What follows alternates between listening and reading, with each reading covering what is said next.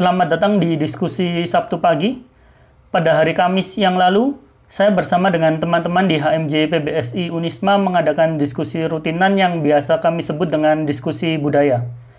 Pada diskusi budaya kali ini bertopik mengupayakan Indonesia bahagia melalui kerja-kerja budaya. Diskusi ini dipandu oleh Hoirus selaku moderator dan Ibu Dr. Ari Ambarwati SSMPD selaku pemateri. Ibu Ari Ambarwati merupakan dosen di jurusan Pendidikan Bahasa dan Sastra Indonesia Universitas Islam Malang dan juga baru saja merilis buku berjudul Nusantara dalam Piringku yang diterbitkan oleh Gramedia. Karena audio di bagian depan sempat tidak terekam, maka audio langsung menuju ke bagian penyampaian materi oleh Ibu Ari Ambarwati. Dan yang terakhir, kegiatan ini berlangsung atas kerjasama antara HMJ PBSI Unisma dengan Cafe Times, Malang Times, dan juga Terminal Kopi Malang. Itu saja, selamat menikmati.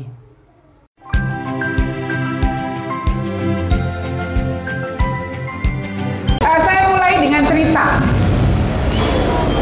Kalian yang uh, mungkin setahun pertama, dua tahun pertama, tiga tahun pertama tinggal di Malang di sekitar Dinoyo ini pasti sudah uh, membiasakan diri untuk kemudian mengidentifikasi dan kemudian melihat bagaimana giat-giat budaya yang dilakukan oleh teman-teman seputar uh, Merjosari, Kelurahan Merjosari, Tlogomas, Dinoyo, Ketawan Gede sampai ke Betek sana. Ya. Betek, Betek itu Majen Panjaitan. Ini lurus sana sampai ke apa namanya? istilahnya Betek lah. Kalian uh, selama empat tahun di Malang harus tahu eh, nama-nama uh, asal atau toponimi dari uh, wilayah sekitar Anda gitu ya. Baik. Kemarin khususnya uh, belasan teman-teman sekitar Telogomas, Merjosari, Dino itu suka nutup jalan. Ya kan? Jengkel. Marah. Kita ini pendatang loh. Mereka orang asli sana Jangan salah. Di Watu Gong itu ada prasasti yang bentuknya seperti gong. Sudah pernah ke sana? So, yakin sudah pernah ke sana? Oke, baik e, harus ke sana gitu ya. Itu mengapa kemudian DNA deoksiribonukleik acid gitu ya zat pembawa gen itu dalam tubuh orang-orang sekitar Lokomas uh, Merjosari, Dinoyo, Ketawa Gede itu orang-orang festival, orang-orang yang suka merayakan, orang-orang yang suka selebrasi. Karena apa? Jangan salah, di wilayah sini sampai Mas itu dulu adalah wilayah kerajaan besar namanya Kanjuruhan. Jangan pernah bilang jadi anak Unisma kalau tidak pernah tahu apa itu Kanjuruhan. Kanjuruhan itu nama jalan bu, salah. Perempatan Gajayana itu nama jalan salah. Itu salah satu istana Prabu Gajah Yana namanya Gajah Yana bukan Gajah Yana saya bukan orang sejarah tapi saya suka karena second passion saya adalah sejarah gitu ya Prabu Gajah Yana itu menjamu tamunya karena untuk menunjukkan betapa kayanya wilayah uh, Tlogomas itu kemudian menjamu tamunya itu uh, dengan piring-piring dari emas peralatan makan piranti makan yang terbuat dari emas setelah makan buang setelah makan buang maka kemudian wilayah situ wilayah uh, ini ya itu berat ya ya uh, wilayah Teluk Mas itu kemudian banyak ditemukan artefak-artefak uh, yang kemudian uh, terbuat dari emas jadi mulai sekarang kita harus sadar dengan toponimi ya, penamaan wilayah-wilayah sekitar, mengapa namanya Betek, mengapa namanya Dinoyo, mengapa namanya Kanjuruhan, Watugong dan seterusnya, itu ada sejarahnya. Itu bagian kita menjadi orang yang berbudaya. Satu. Nah, maka kemudian jangan heran kalau teman-teman sekitar Klogomas, Dinoyo, Merjosari itu suka sekali yang namanya festival. Karena mereka ini adalah wilayah kerajaan sampai sampai kampus Anda di Unisma, di kampus kita, itu banyak benda-benda bersejarah. Kakak-kakak kelas Anda dulu sering yang namanya kesurupan tuh sering. kalau teman-teman secara spiritual yang bisa melihat hal-hal seperti itu, pasukan berkuda itu banyak di sekitar kampus kita. Ya karena memang ini adalah wilayah kerajaan dari Kanjuruhan. Jadi jangan salahkan kalau kemudian DNA teman-teman sekitar sini adalah orang-orang yang suka show off, orang-orang yang suka pamer, yang suka menunjukkan kedikdayaan melalui budayanya. Itu saya uh, buka dengan uh, cerita seperti itu. Terus kemudian uh, kita masuk ke uh, materi ya. Mengapa kemudian kita harus mengupayakan Indonesia bahagia? Kalau Anda cermat, ada tidak apa-apa ya, saya lanjut ya, karena sudah saya jawab. uh, kita kemudian ingat stanza kedua lagu Indonesia Raya itu adalah Marilah kita mendoa Indonesia bahagia ya, ya. Itu bayangkan Wage Rudolf Supratman dulu menuliskan lagu Indonesia Raya untuk membangkitkan semangat karena di dalamnya ada doa.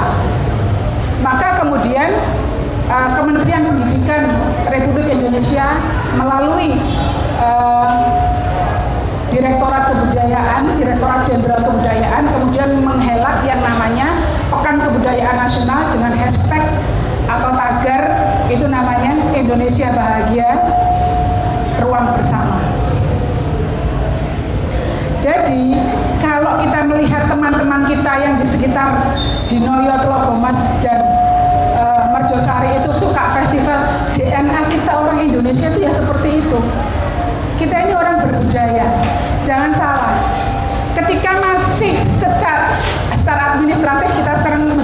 Indonesia ya. Tapi sebelum menjadi Indonesia, Anda sudah kenal namanya Nusantara. Yang namanya rempah-rempah Nusantara itu mampu menggerakkan eh, orang-orang uh, Eropa, orang-orang uh, mulai Spanyol, Ferdinand de Magellan, kemudian Christopher Columbus untuk mencari yang namanya mereka sebutnya spices ya, spices yang men untuk mencari rempah-rempah karena negeri, negeri mereka tidak punya rempah-rempah. Kalau Anda berkesempatan datang ke Eropa, tidak ada itu namanya makanan-makanan yang uh, aromanya kuat sekuat uh, aroma makanan di timur. Anda bisa bayangkan biarkan lewat dulu. Karnaval. Anda bisa bayangkan uh, kemudian rempah-rempah itulah yang kemudian mampu menggerakkan layar-layar kapal mereka, meninggikan layar-layar kapal mereka dan menggerakkan kapal-kapal itu sampai ke Nusantara untuk sekedar mencari yang namanya rempah-rempah. Dan saat ini pemerintah sedang mengupayakan jalur rempah Nusantara ini menjadi bagian dari warisan budaya tak benda intangible heritage seperti yang terjadi di uh, seperti yang sudah dilakukan di Sawah Lunto. Sawah Lunto itu tempat uh, pertambangan batu bara Ombilin. Ya, saya juga belum pernah ke sana. Sudah sampai ke Sumatera Barat tapi belum sampai ke Ombilin. Jadi inilah adalah cara kita untuk uh, menyemangati bahwa kita itu adalah uh, wilayah uh, yang memiliki uh, kebudayaan yang tinggi. Kalau kita mengatakan bahwa Borobudur itu bisa sedemikian menunjukkan peradaban uh, Nusantara, seharusnya dari Borobudur lah kita berkaca. Dari negeri rempah-rempah itulah kita berkaca. Bagaimana rempah-rempah itu sejak dulu digunakan oleh orang-orang kita, oleh orang-orang timur ini untuk mengawetkan makanan untuk afrodisiak. Tahu afrodisiak? Afrodisiak itu makanan yang kemudian bisa membangkitkan gairah seksual. Seperti coklat konon katanya. Kemudian juga rempah-rempah juga. Kita yang terbiasa makan uh, yang rempahnya kuat, seperti misalnya sup dengan merica atau lada yang kuat itu kan setelah makan kan berkeringat gitu ya. Anda tidak akan temui hal yang sama ketika Anda datang ke Eropa, datang ke Amerika Utara maksud saya, Amerika Utara ya, bukan Amerika Selatan. Karena orang Meksiko, orang Brazil itu juga hampir sama seperti kita, mereka sangat uh, tergila-gila dengan rempah-rempah. Kita makanan juga kemudian menggunakan rempah-rempah. Dan silakan dicek di teks-teks sastra kuno Yunani Romawi, istilah rempah-rempah itu, wangi-wangian dari timur itu juga sudah digunakan untuk merayu lawan jenis. Ini sesuatu yang sangat menarik. Saya tidak bicara tentang tidak bicara tentang pangan malam ini, tapi saya ingin menunjukkan bahwa betapa DNA kita adalah orang yang sangat berbudaya. Maka hari-hari ini kemudian kalau uh, kita melihat bagaimana uh, sektarian itu semakin menguat, terus kemudian melihat liang melihat yang lain itu kemudian berbeda baju, berbeda pikiran, berbeda pendapat, berbeda pilihan politik, berbeda pilihan presiden, itu sudah jadi sudah jadi masalah. Hari-hari ini 5-10 tahun terakhir kita menghadapi era di mana kalau teman-teman saya di Twitter bilangnya sebelum negara api menyerang.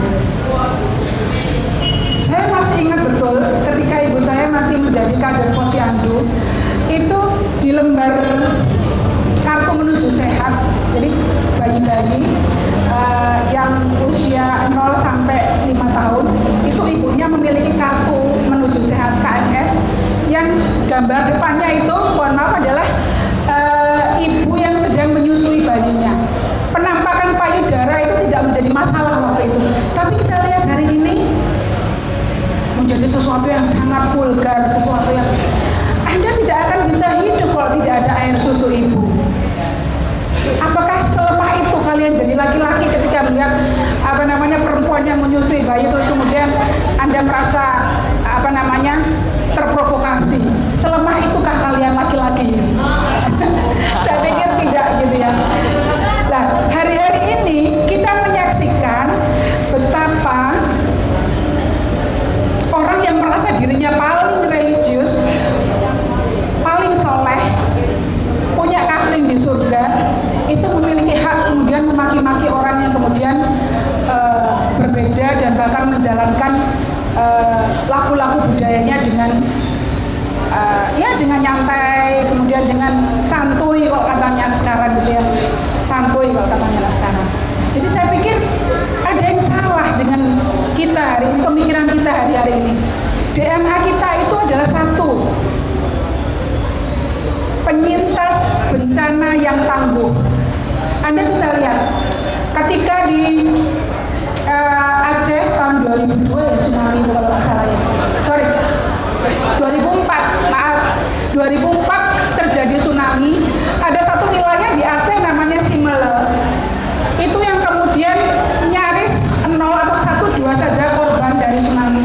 Karena mereka punya kearifan lokal yang namanya smog semua itu seperti syair lagu. Jadi ketika gempa mengguncang, air laut surut, segeralah lari ke bukit. Itu nenek moyang kita sudah punya teknologi sederhana, teknologi lokal yang kemudian bisa melakukan mitigasi bencana. Dan bahkan di Pekan Kebudayaan Nasional kemarin itu juga yang namanya mohon maaf ini namanya agak provokatif ya. Bubur namanya itu bubur memek ya, maaf namanya agak provokatif. Bubur memek itu yang kemudian menyelamatkan sekian banyak jiwa dan itu hanya muncul di saat-saat bencana tsunami terjadi. Satu. Kedua yang terjadi di Palu likuifaksi yang orang-orang barat sebut sebagai likuifaksi orang uh, suku Kaili, suku Kaili itu adalah suku di Sulawesi uh, Palu itu Sulawesi Tengah ya? Ya Palu itu Sulawesi Tengah ya. Itu kemudian uh, memiliki kearifan lokal dengan melakukan toponimi penamaan-penamaan wilayahnya itu sangat khas uh, suku Kaili uh, Palu yang kemudian berada di wilayah yang rawan gempa di sana ada yang namanya wilayah tanah runtuh. Di sana ada yang wilayah yang namanya Petobo itu kurang lebih juga sama artinya tanah runtuh. Dan kemudian juga uh, ada wilayah yang kemudian suku Kaili sendiri tidak mau menghuni karena itu sekian uh, ratus tahun yang lalu pernah kejadian yang sama. Jadi uh, yang disebut hari ini sebagai kota Palu terbentuk dari lapisan uh, apa namanya tanah yang kemudian bawahnya itu ketika ada gempa, dipicu gempa, itu kan ambles ya. Saya tidak tahu penjelasan teknisnya, tapi saya baca dari teman-teman di Kompas bahwa itu ketika tanah itu ambles, maka otomatis tanah itu kan kemudian bergerak dan menjadi labil. Artinya, waktu itu nenek moyang kita sudah ngasih tahu, hei, kalian jangan pernah tinggal atau meninggali, mendiami wilayah sekitar situ karena pernah terjadi kejadian yang disebut hari ini sebagai likuifaksi. Mari kita sejenak merefleksikan, bukankah nenek moyang kita sudah memiliki seperangkat pengetahuan yang sayangnya itu tidak pernah dituliskan dan kemudian diajarkan secara sistematis sebagai bagian dari pelajaran e, kebencanaan yang terintegrasi ke kurikulum kita. Semua dipaksakan dari uh, Jakarta semua. Kita lupa bahwa ternyata nenek moyang uh, kita sudah memiliki yang namanya seperangkat pengetahuan uh, untuk menunjukkan bahwa nenek moyang kita memiliki peradaban yang sangat tinggi. Contoh terakhir, semua tahu Gunung Merapi di mana? Gunung Merapi ketika uh, letusan pertama, kedua, ketiga dan seterusnya nenek moyang kita sudah nengeri nengeri itu apa? Mengidentifikasi bahwa ketika jatuhnya ke barat Termin. maka semua desa yang ada di sebelah barat Merapi harus ke wilayah timur. Dan ada yang namanya desa Paseduluran. Silakan dicek dan mereka sudah tahu bagaimana caranya melakukan mitigasi bencana dan itu sudah sangat terstruktur sayangnya semua itu masih berupa pengetahuan lisan, pengetahuan orang. Tugas kita yang seharusnya mulai menuliskan. Itu ya, itu contoh uh, pemantik. Kemudian saya bergeser lagi. Mengapa kemudian hari-hari ini pemerintah begitu sibuk untuk membuat yang namanya menyusun yang namanya Undang-Undang Nomor 5 Tahun 2017 tentang pemajuan kebudayaan. Karena mari kita lihat tidak ada negeri yang memiliki ras uh, sub etnis sedemikian banyak sebanyak Indonesia. Kita punya 652 etnis termasuk dengan ragam uh, bahasanya. Dan jangan salah, ketika tahun 98 kita mengalami yang namanya uh, Orde Baru runtuh, muncul Orde Reformasi, maka kemudian Perdana Menteri Singapura waktu itu Lee Kuan Yew mengatakan bahwa sebentar lagi uh, semua memprediksi bahwa Indonesia pasti akan runtuh kecuali uh, Perdana Menteri Lee Kuan Yew yang sekarang digantikan oleh anaknya itu ya. Anaknya atau bahkan cucunya ya. Beliau mengatakan bahwa tidak Indonesia tidak akan seruntuh semudah yang kalian bayangkan karena mereka punya apa? Mereka punya apa? Negara Balkan, Yugoslavia, Republik Ceko, Slovakia itu pernah jadi satu sebagai negara Balkan, tapi mereka memutuskan berpisah karena mereka berbeda etnis, mereka berbeda bahasa. Tapi kita tidak. 652 suku bayangkan itu terikat jadi satu dengan yang namanya bahasa Indonesia. Saya selalu merinding uh, ketika membayangkan itu. Mari kita agak flashback sejenak ke tahun 28. Kalau bisa waktu itu populasi orang Jawa adalah 45% dari seluruh uh, total yang hari ini disebut sebagai Indonesia. Kalau mau menang-menangan, Jong Java pasti mengatakan bahasa Jawa saja jadi bahasa persatuan. Atau orang Melayu, bahasa Melayu saja. Oh tidak, kata Melayu kemudian masih merujuk kepada uh, kata suku etnis tertentu. Maka kemudian berterima kasih kepada uh, Muhammad Abrani yang kemudian mencetuskan bahasa Indonesia. Jadi menurut Lee Kuan Yew hari ini sebetulnya yang menyatukan Indonesia adalah salah satunya bahasa Indonesia.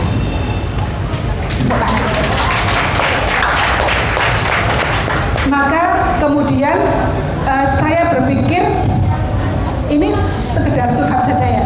Saya S1-nya saya ambil sastra Inggris murni.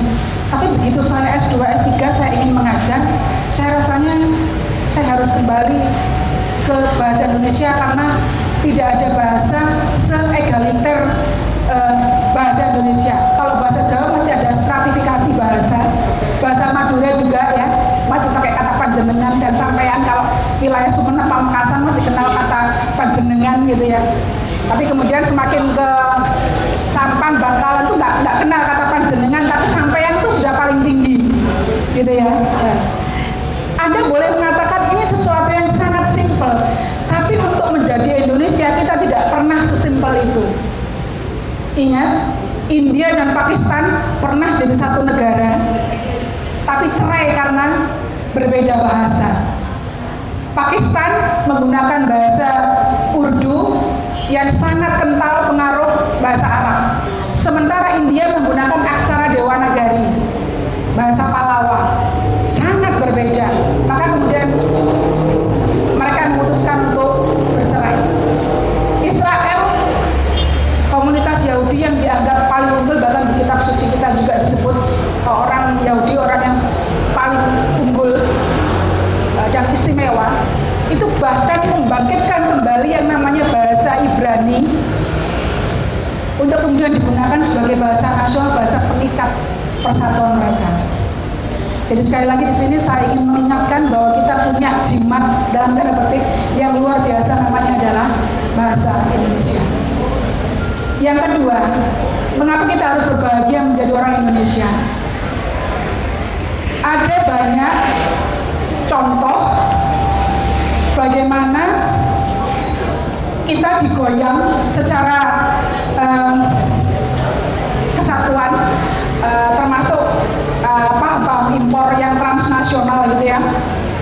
Uh, termasuk WM ketika Arab Spring ketika Mesir uh, sempat dikuasai oleh Ikhwanul Muslimin. Dan kemudian itu gempanya sampai ke kita. Sampai hari ini kemudian kita melihat ada orang-orang yang berusaha menegasikan uh, budaya yang sudah uh, kita jalankan uh, selama beratus-ratus tahun. Bu, budaya itu apa sih sebetulnya? Budaya itu adalah segala sesuatu yang sudah uh, kita gunakan, kita kreasikan dan kemudian itu menjelma menjadi perilaku, menjadi pola pikir uh, dan menjadi habit atau kebiasaan kita sehari-hari. Contoh paling gampang adalah ketika Anda turun ke dapur, Anda mau ngulek sambal, setelah uh, cowek dan cowek itu apa? Cobek dan uh, apa? Penggerusnya itu ulek-ulek. Apa yang Anda tambahkan ke dalam cobek? Untuk membuat sambal. Garam, semua bilang garam. Dari Aceh sampai ke Merauke semua bilang garam. Oh, Madura apa? Buje ya, uya ya, garam uya. Karena mereka tidak tidak punya huruf tidak punya aksara y, jadi j semua gitu. Uya gitu ya. Maka kemudian itulah yang kemudian menunjukkan betapa kita ini orang yang kemudian sangat berbudaya. Anda bisa bayangkan kapal-kapal Ferdinand de Magellan kapal-kapal Christopher Columbus menyerbu kepulauan Nusantara hanya untuk mencari yang namanya rempah-rempah. Rempah-rempah itu apa sih? Cengkeh, lada, apalagi uh, yang kita sebut hari ini sebagai empon-empon mereka tidak punya. Yang menambah aroma makanan untuk mengawetkan makanan, termasuk membuat parfum hari ini, mereka semua masih impor dari kita. Artinya dari sini saja kita itu tidak punya alasan untuk kemudian harus meniru uh, aki tadi, aki-aki, ukti-ukti gitu ya tadi yang katanya mukti tadi ya. Tidak perlu meniru itu. Ya kita sudah bahagia dengan kita punya romo, kita punya bapak. Kalau mau sebut abah ya silakan. Kalau mau sebut umi silakan. Kadang-kadang saya juga bingung juga. Kalau saya belanja all shop, online shop gitu ya, selalu saya selalu dipanggil uh, sis. Ya kan?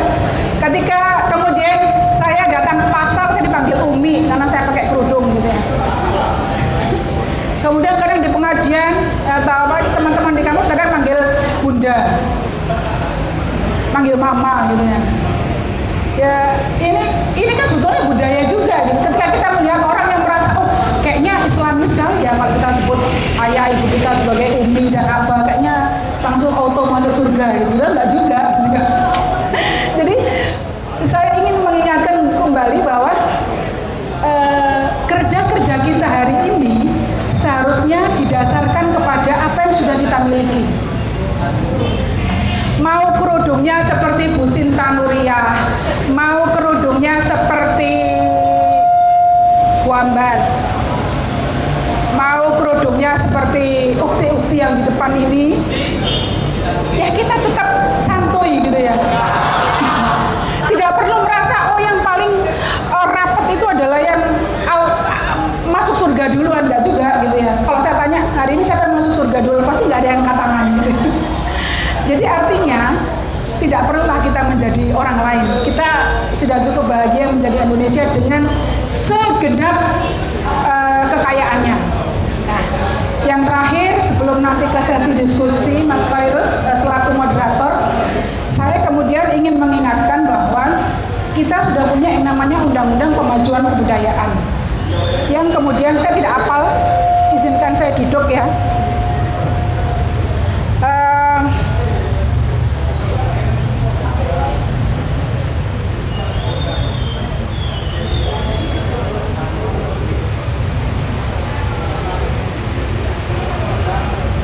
Kalau ada yang bertanya apa itu sebetulnya uh, kerja-kerja uh, berbasis budaya, saya bisa menyatakan bahwa kerja budaya adalah kegiatan yang dilakukan atas inisiatif. Inisiatif kelompok atau individu yang melibatkan satu atau beberapa kelompok dalam mengekspresikan budaya untuk dipelajari, diterapkan, dimodifikasi, dipentaskan, dilestarikan dan digunakan untuk kepentingan pelestarian objek budaya. Objek budaya itu apa saja? Di Undang-Undang Pemajuan Kebudayaan, mohon jangan malas baca ya. Ini sudah bisa diunduh gratis. Objek pelestarian budaya dalam Undang-Undang Nomor 5 Tahun 2017 adalah tradisi lisan. Manuskrip sejak apa?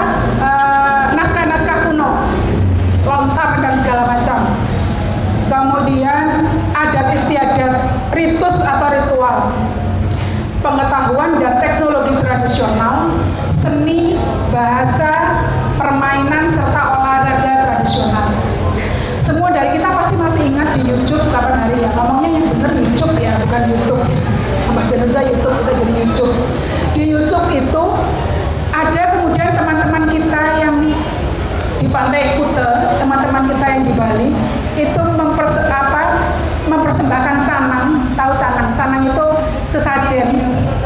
di pantai, itu kan bagian dari ritual mereka, terus kemudian uangnya diambil, dan kemudian diacak-acak, terus kemudian tidak boleh melakukan uh, ritual larung sesaji kapan hari di yang di Jogja juga dibubarkan. Siapa lu gitu ya? Saya paling marah kalau seperti itu. Oke, keyakinan kita urusan kita sendiri. Tapi kemudian kita tidak berhak meyakini uh, menghakimi keyakinan orang lain. Apalagi teman-teman yang kemudian uh, berbeda keyakinan dengan kita. Ya sudah, teman-teman Bali memang seperti itu cara dia mendekatkan diri ke Tuhannya, ke dewanya dengan cara memberikan canang yang namanya sesajen.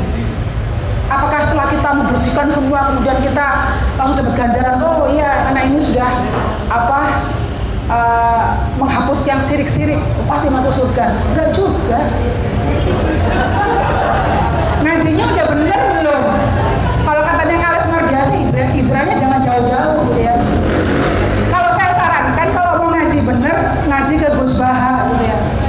Gus Baha, siapa uh, ngikuti Gus Baha? Karena bagi saya ngaji itu harus lucu gitu ya. Sama seperti ketika saya nonton uh, stand up comedy seperti Mukti gitu ya. Kalau nggak lucu, pesannya nggak sampai di saya gitu ya. Jadi kalau mohon maaf, mungkin teman-teman NU biasanya yang ditanya pertama kali, sing ngaji so, sing kayak pengajian so, lucu apa enggak gitu. Kalau lucu ya sudah pasti lanjut gitu. Jadi artinya kita tuh beragama tidak dengan pangin, beragama tidak dengan sepaneng gitu loh. Semua dari kita ini kan homo ludens ya, manusia yang suka bermain gitu ya. Salah satu adalah melalui permainan budaya. yang hari ini kita sudah punya banyak. Ya. Kemudian apa sih pentingnya kerja budaya untuk Indonesia?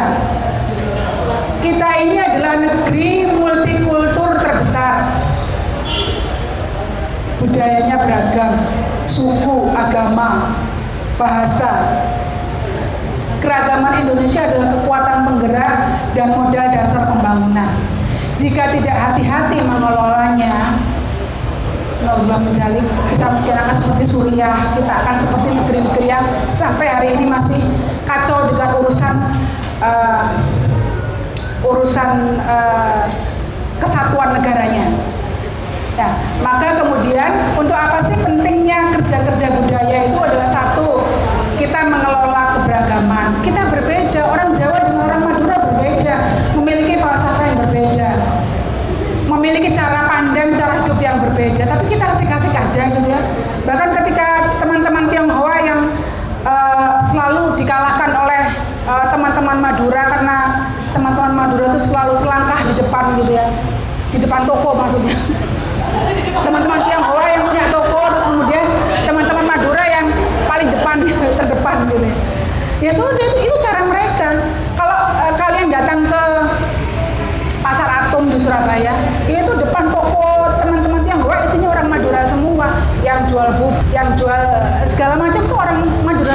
Asik-asik aja gitu maka saya heran juga yang terjadi di Wamena kemarin itu pasti by design. Karena sebenarnya teman-teman Papua tidak seperti yang kita lihat semarah itu. Itu pasti by design kemudian juga mengelola dan berbagi ruang bersama. Mengelola potensi kultural sesuai keunikan wilayah masing-masing. Mengelola warisan budaya dan mengelola ketahanan sosial budaya. Mengelola ekonomi budaya ini yang penting.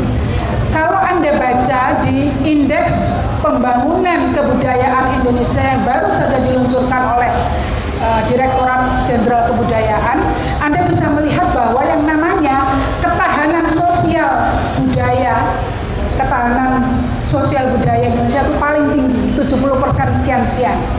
Kemudian yang paling rendah adalah ekonomi budaya. Budaya yang uri-uri budaya, menghidupi budaya yang kemudian menghasilkan ekonomi kreatif kita masih paling rendah. Itu PR-nya.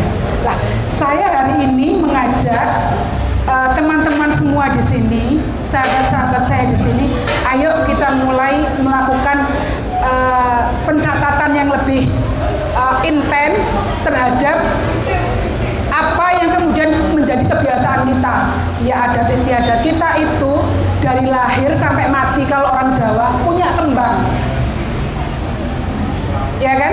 Kita lahir itu uh, bahkan sebelum lahir uh, kita itu punya tembang kalau di Jawa itu adalah Mas Kumambang. Artinya kita masih belum ada nih masih dalam uh, angan-angan Mas Kumambang. Terus kemudian Asmorodono dan seterusnya sampai kepada pucung atau pocong. Ketika kita sudah kembali kepada Tuhan, kemudian kita dalam bentuk pocong, pocong. Terus kemudian juga yang namanya megat roh. Megat roh. Roh kita itu sudah dipisahkan dari jasad kita. Kita ini orang yang sangat berbudaya. Jadi kalau kemudian kita hari ini menyalahkan teman-teman yang muri-muri budaya. Tembang apa itu? Sirik. Perilaku apa itu? Sirik. Hati-hati dulu. Hati-hati. Jangan semudah itu kita kemudian melebeli teman-teman uh, yang sudah tekun dengan uh, perilaku budayanya. Selama itu tidak mengganggu ketertiban umum silakan saja fine-fine saja. Mengapa kita harus terganggu gitu ya? Nah jadi saya pikir ayo kita mulai menarasikan kembali kebiasaan terus kemudian lagu-lagu uh, yang kita miliki lagu-lagu tradisional yang kita miliki. Ada sobat ambiar di sini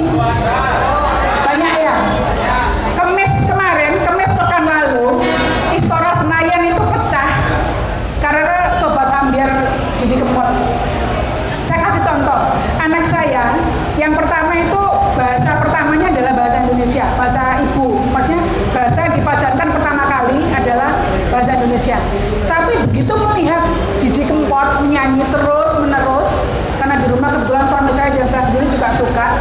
Akhirnya kemudian juga ikut menyanyi dan kemudian mencari tahu apa artinya. Artinya apa?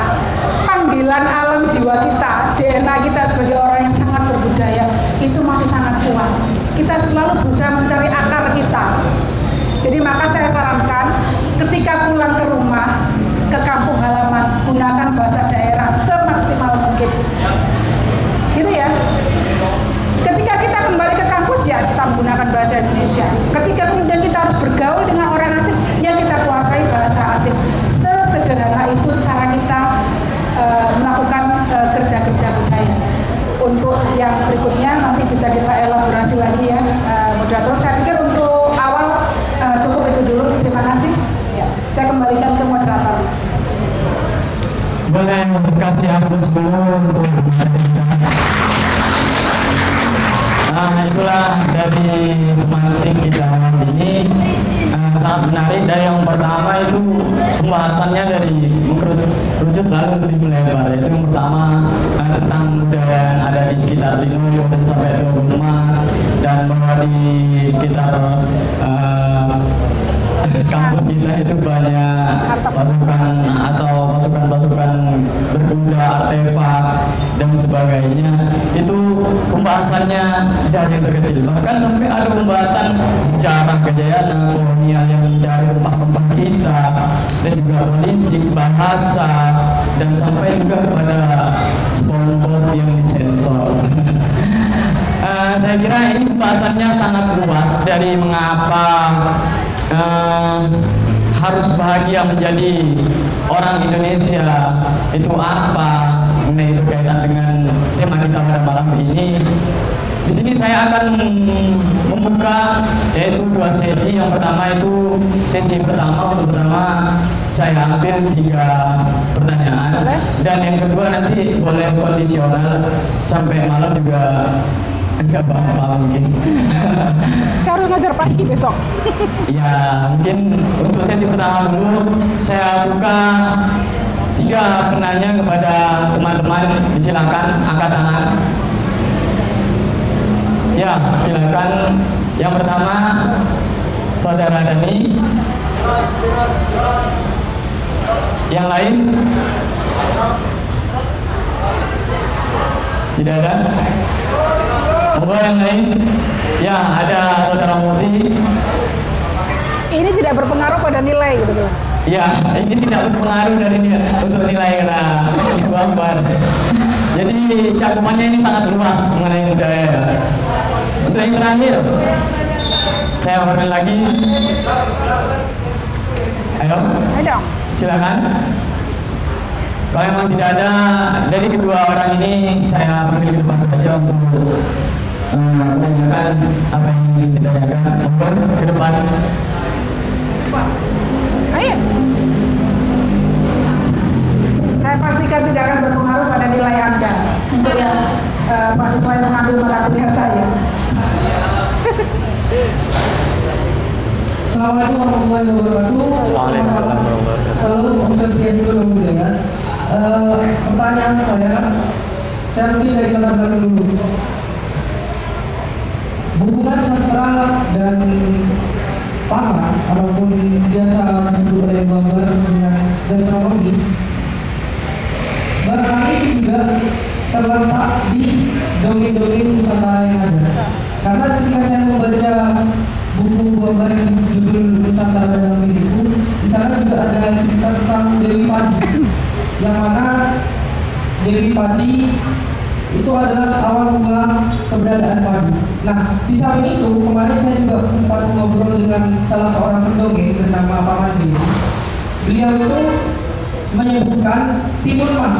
Nah, dari kata itu kita sudah bisa mengenal ya seharusnya timun. Timun ini adalah salah satu pangan Nusantara juga. Timun mas, saya rasa kata timun mas itu ada hubungannya antara sastra dan juga pangan. Apakah memang awal mula hubungan sastra dan pangan itu memang sudah sejak lama dikenal, bahkan sejak dari filologi-filologi kuno mungkin. Ataupun memang pangan itu ada ketika awal mula diceritakan. Maksudnya ketika dibiologikan orang-orang hanya bukan apa itu paman apa itu pagi kemarin juga saya sempat membaca tentang awal mula ditemukannya tebu kalau nggak salah di buku paman seperti itu ya. terima kasih assalamualaikum warahmatullahi wabarakatuh Salam. Waalaikumsalam. Ya, mungkin saudara Muti. Ini yang tanya laki-laki semua, ini yang perempuan mana suaranya? Eh, saya mau bertanya ya Iya. Eh, kan tadi kegiatan yaitu di tulisan-tulisan kuno gitu naskah kuno. Dan sedangkan kita kalau menurut saya itu sedang sedang dalam keadaan mati dalam dunia biologi kan banyak banyak naskah-naskah kuno yang bahkan lebih terjemahkan karena tidak ada filologi. Dan cuma naskah kuno. Apakah kan bahwa ini temannya di Martalin ya temannya apa di kebudayaan ya apakah ada peranan pemerintah untuk hal ini ya terima kasih Assalamualaikum warahmatullahi wabarakatuh Waalaikumsalam lagi ya?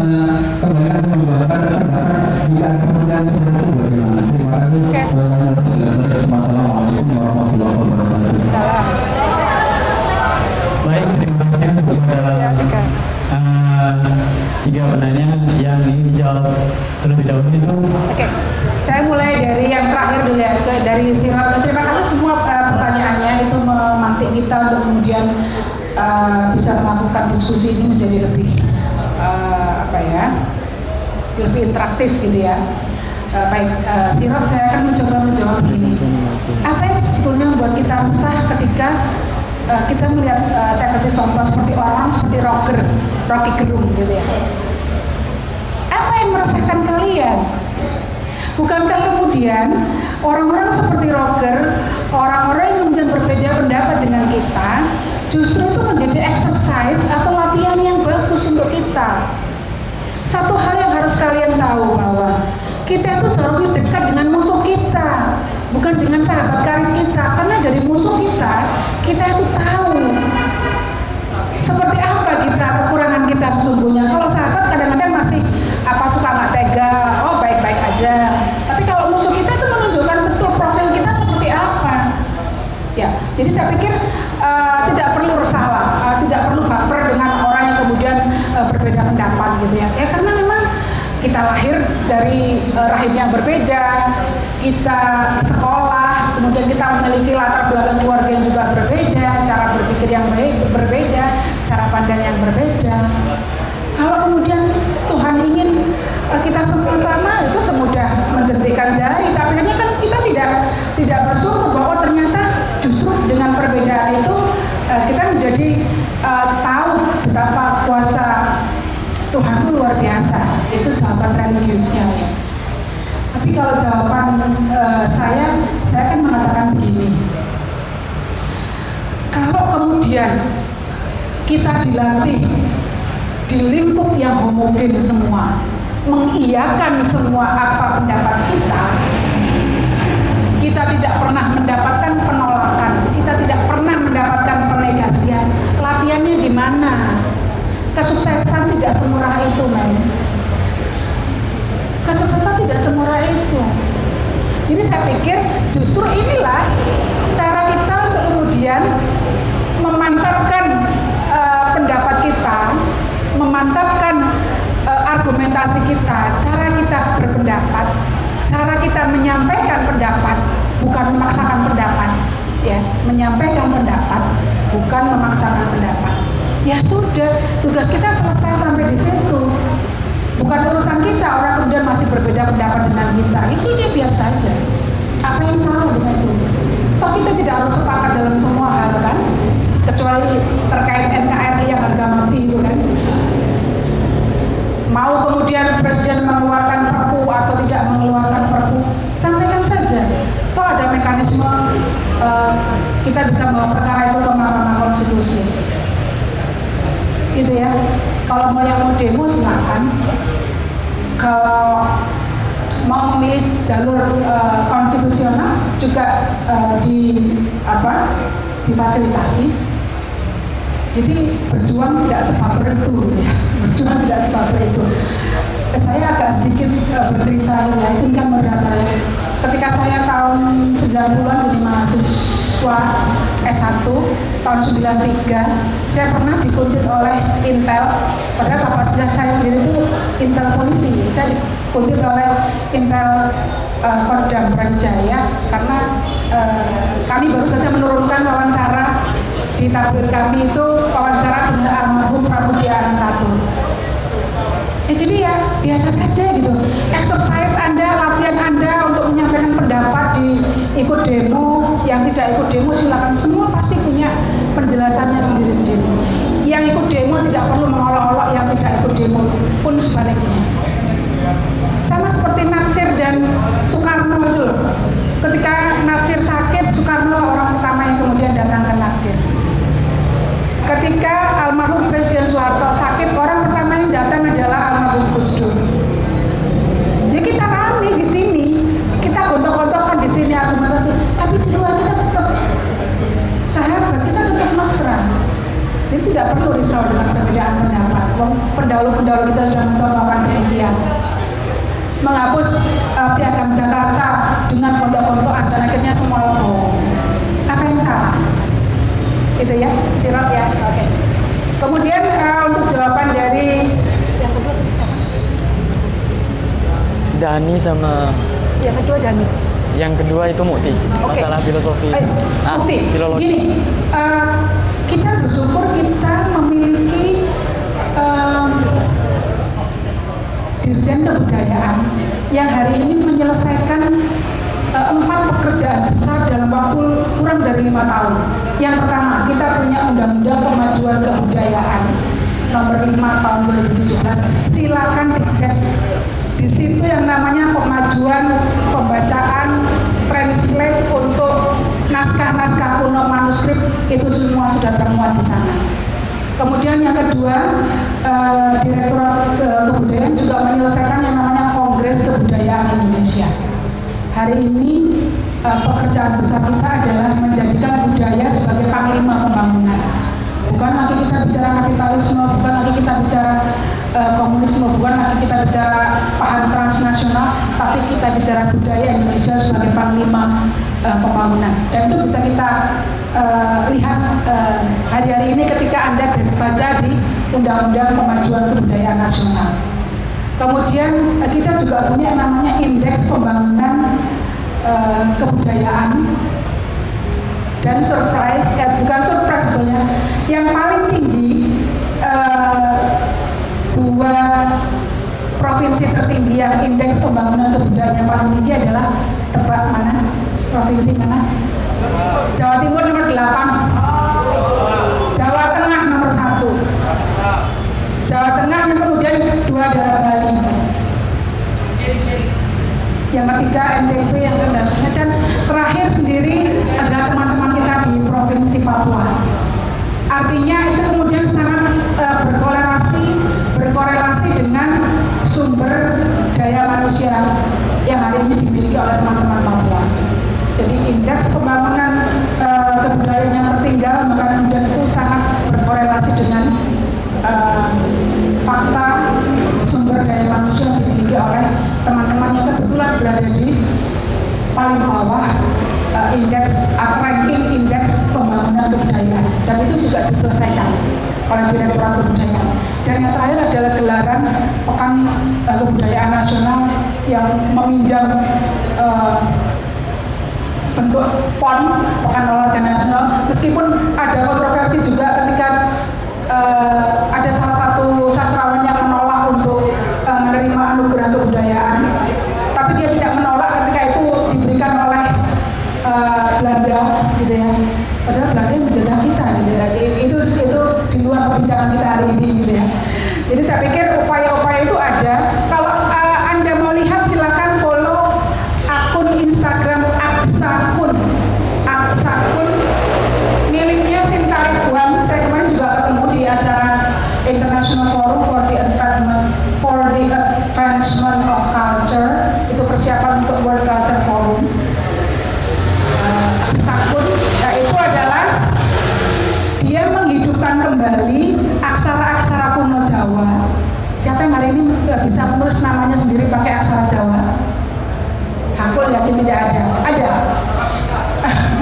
ya kemudian aksara-aksara Bali aksara-aksara Sunda itu sudah digitalisasi coba cek akun aksara artinya kerja-kerja budaya seperti yuk mari kita hidupkan salah satunya adalah kembali menjadi manusia Indonesia yang tidak perlu ke arah harapan atau tidak perlu ke Jakarta Jakarta ya sudah kita bangga dengan apa yang kita miliki gitu ya terus kemudian untuk pertanyaan Dani Untuk pertanyaan Dani itu mengenai timun emas tadi. uh, Itu apa? bagaimana kemudian sastra itu uh, berkaitan dengan Iya, uh, buku sampai. Baik, eh, begini dan dari eh, pertanyaan dari Dani, eh, saya bisa jawab begini. Ketika nenek moyang kita yang namanya Homo erectus, manusia yang berjalan tegak, itu kemudian harus mengumpulkan bahan makanan. Ketika bahan makanannya itu semakin menipis, dia kemudian harus mengkondisikan komunitas di sekelilingnya untuk eh, bertahan hidup dengan untuk sekian waktu tertentu. Kemudian kepala-kepala keluarga, which means laki-laki, itu kemudian eh, keluar untuk mencari sumber pangan baru. Ketika mereka kembali eh, ke komunitasnya dengan sumber makanan yang baru, mereka kan harus menjelaskan satu persatu ini namanya buah apa, masaknya bagaimana, dimasak berapa lama, dan seterusnya. Itulah yang menyebabkan eh, mengapa kemudian naskah-naskah atau literatur-literatur kuno mengangkat makanan ke dalam eh, perbincangan mereka. Kalau eh, Anda datang ke Borobudur, Anda pasti akan melihat relief pohon palma. Relief pohon palma itu menunjukkan bahwa raja-raja pada zaman itu, zaman ketika Borobudur akan dibangun dan sedang dibangun, itu sudah mengkonsumsi sagu yang hari ini oleh orang Jawa disebut sebagai sego. Betapa dari sini kita melihat kekerabatan satu kata satu bahasa dengan bahasa yang lain. Jadi sagu menjadi sego. Dan jangan salah, ini kalau masih berkaitan dengan pangan, hampir semua kisah-kisah eh, pangan dimulai dari tubuh perempuan. Jadi ternyata Dewi Sri itu ketika dia apa moksa, moksa itu apa ya eh, spiritnya, rohnya naik ke langit, jasadnya masih ada di bumi, dia menumbuhkan padi, menumbuhkan palawija, dan menumbuhkan yang hari ini kita sebut sebagai empon-empon. Itu semua dari ibu bumi. Jadi artinya konsep maskulinitas dan femininitas itu sudah dikonstruk, uh, sudah dibangun sejak uh, manusia mengenal meramu makanan mereka. Dan surprise-nya saya hanya menemukan satu saja kisah eh, pemulia pangan kebetulan sagu itu adalah laki-laki. Padi itu Dewi, jagung itu juga Dewi. Sementara eh, sagu itu laki-laki. Kalau Anda lihat eh, masalah Senani menangkap matahari itu adalah cara orang-orang Papua merang, memerangkap, memenjara matahari supaya bersinar lebih lama dan mereka punya banyak sagu untuk diolah sebagai persediaan makanan. Betapa kemudian narasi-narasi zaman dulu sampai hari ini menempatkan pangan dan makanan ke tempat yang sangat terhormat. Jadi kalau kita hari ini uh, masih banyak menyisakan makanan, saya pikir uh, Anda tidak pernah melihat sejarah bagaimana uh, susahnya meramu nenek moyang kita meramu makanan, gitu ya. Kemudian yang kedua,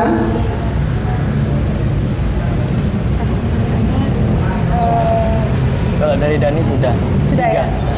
Saya, enggak, enggak, saya tadi ada yang lupa yang belum saya apa namanya eh, belum saya sampaikan.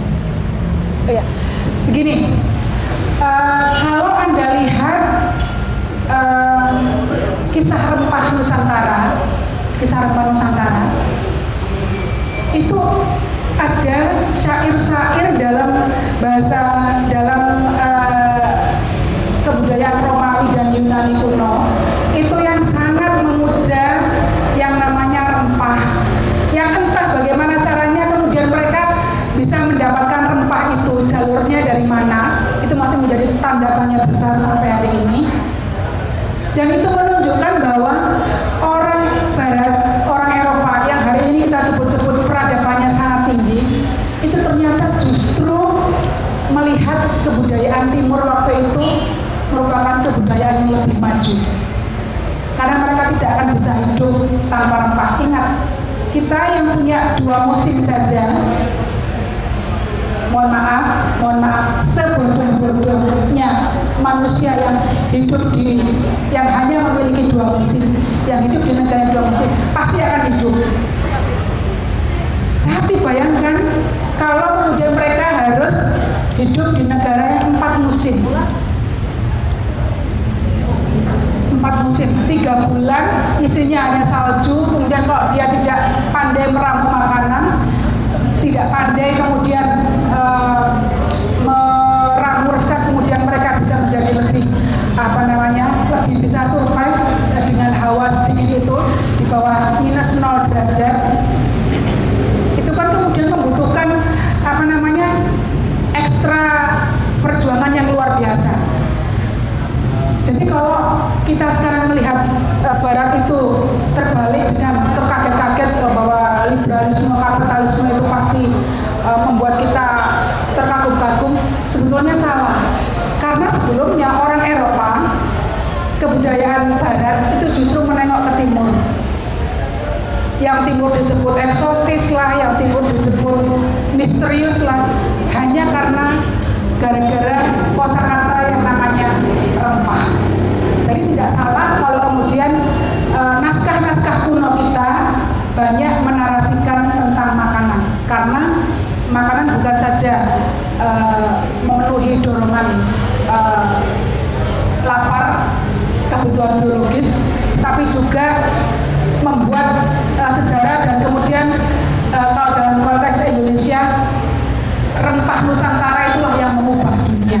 Jadi banggalah dengan apa yang sudah kita miliki. Saya pikir itu moderator. nah, kira-kira berapa pertanyaan lagi? boleh satu atau dua kalau masih ada. Dua. Nah, untuk selanjutnya untuk sesi kedua. Dua pertanyaan lagi kepada teman-teman. Khususnya juga yang cewek dulu. Umur sebelum ke para maskulin maskulin ini. Yang cewek dulu kalau ada. Ya mungkin dari semester semester tujuh. Yang sudah hampir skripsi mungkin. Mungkin yang di belakang dari ceweknya semester tiga. Kalau memang tidak ada ya silakan kepada forum saja. Mungkin ada yang mau bertanya. Ya silakan Punya saya aja nggak Pak? Silakan.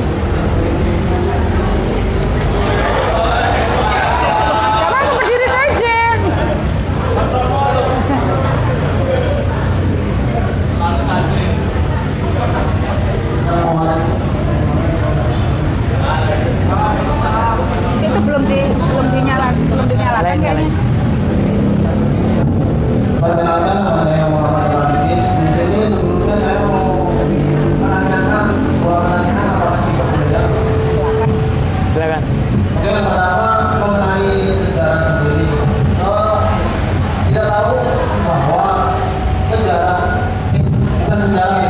budaya mohon maaf. Eh, budaya Indonesia ini kan sangat kaya sekali. Banyak nilai-nilai eh, balik yang terkandung dalam budaya.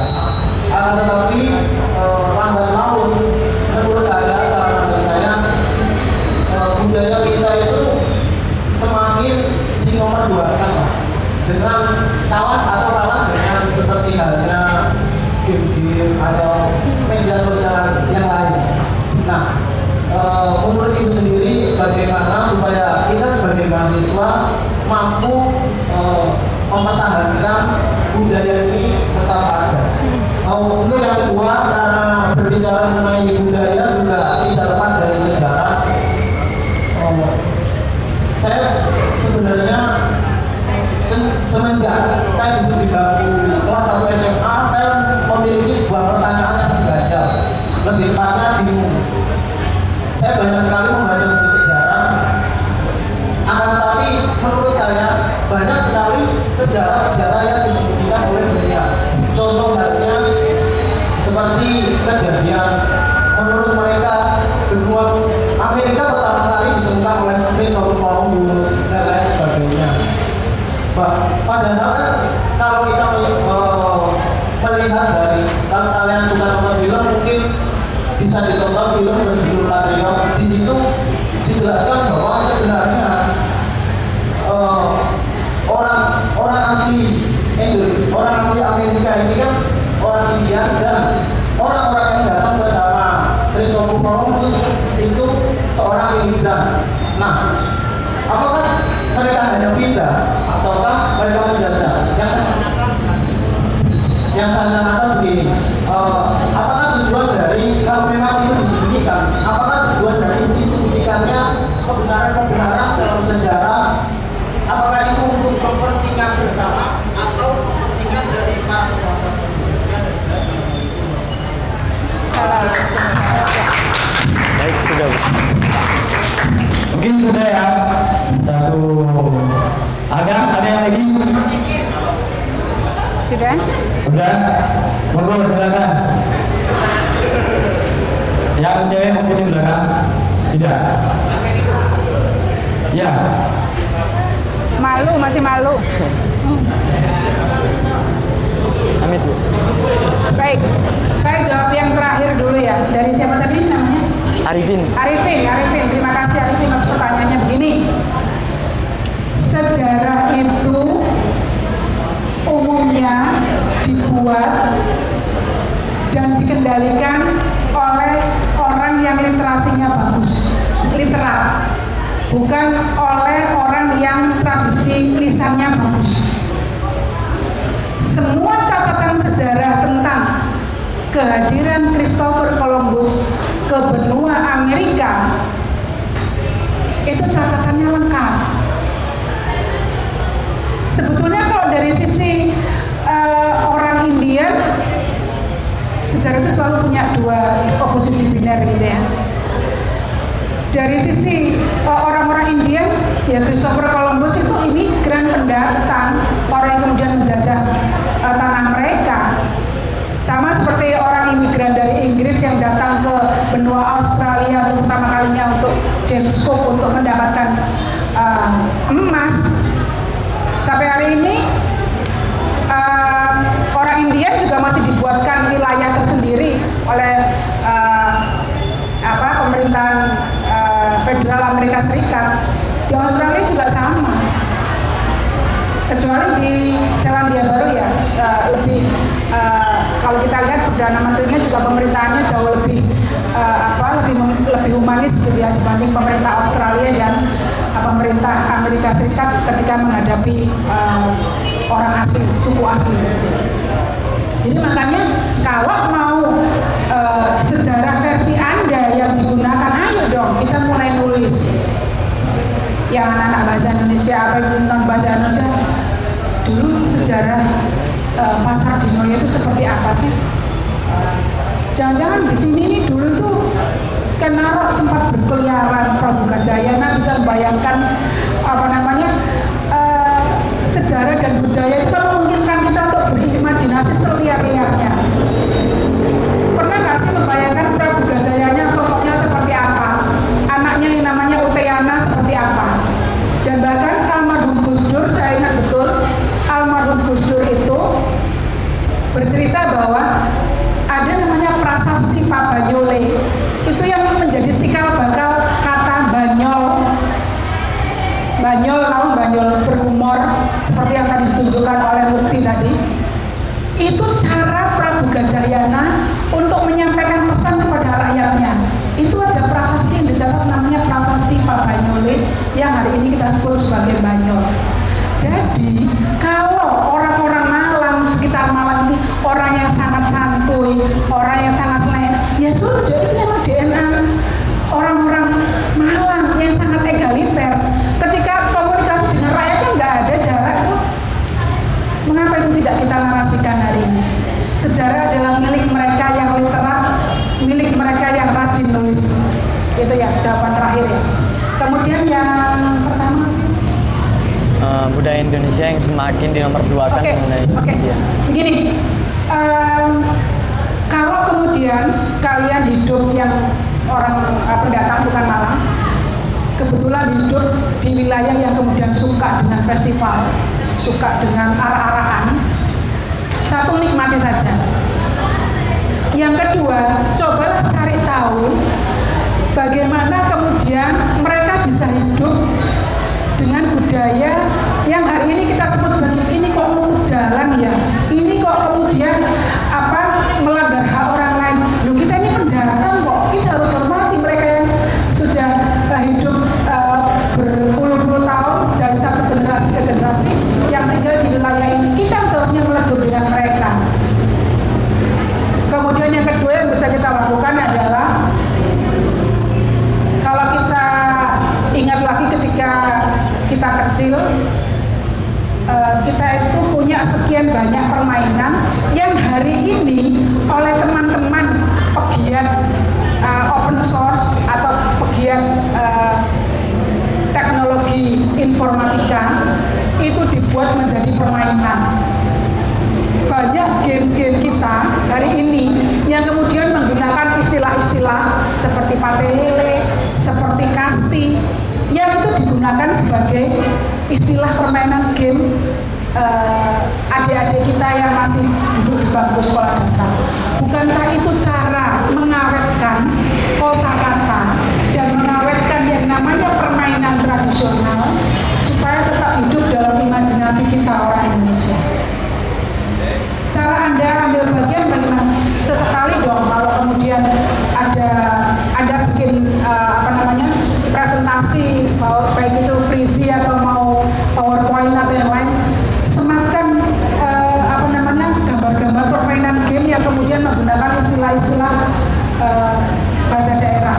Menggunakan istilah-istilah yang sangat dekat dengan anda. Karena itu salah satu cara untuk merawat uh, itu. Atau kemudian ada yang kampung, kampungnya dibikin kampung tematik. Hari ini Malang sudah uh, cukup luar biasa. Bahkan startup terbanyak salah satu uh, di Jawa Timur adalah datang dari Malang. Mengapa tidak menggerakkan uh, budaya uh, ekonomi berbasis budaya?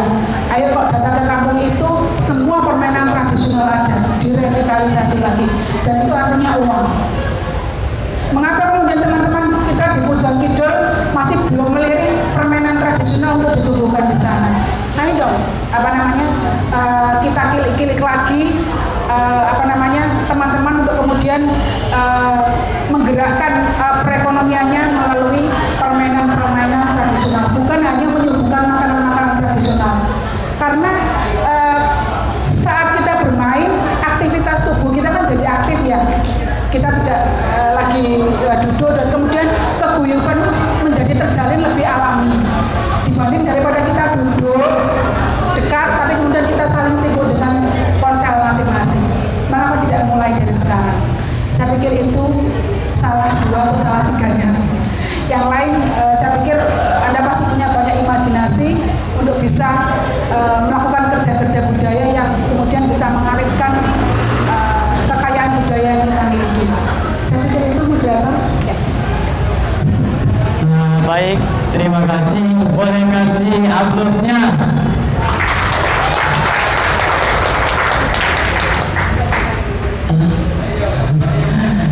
Mungkin dari itu saja dari materi kita Ibu Arya Parwati. Ah, untuk diskusi kali ini semoga bermanfaat. Foto bersama ya. Saya mau Nanti kita foto bersama. Jadi intinya mengapa kita harus bahagia menjadi orang Indonesia? Yaitu karena Indonesia ini sangat kaya akan budayanya dari segi perilaku, dan permainan-permainan tradisional dan bahasa tentunya juga rempah-rempah yang ada di Indonesia. Jadi marilah kita uh, jaga dan kelola warisan-warisan budaya ini agar kita tetap uh, mengimplementasikannya kepada anak-anak kita nanti. Dan hal yang menarik dari bidang ini satu yang kami ketangkan dari Ibu Ambar yaitu jangan malu menjadi orang Indonesia karena DNA kita sangat berbudaya. Sebelum saya tutup, salam budaya. Salam budaya. Salam budaya. Allahumma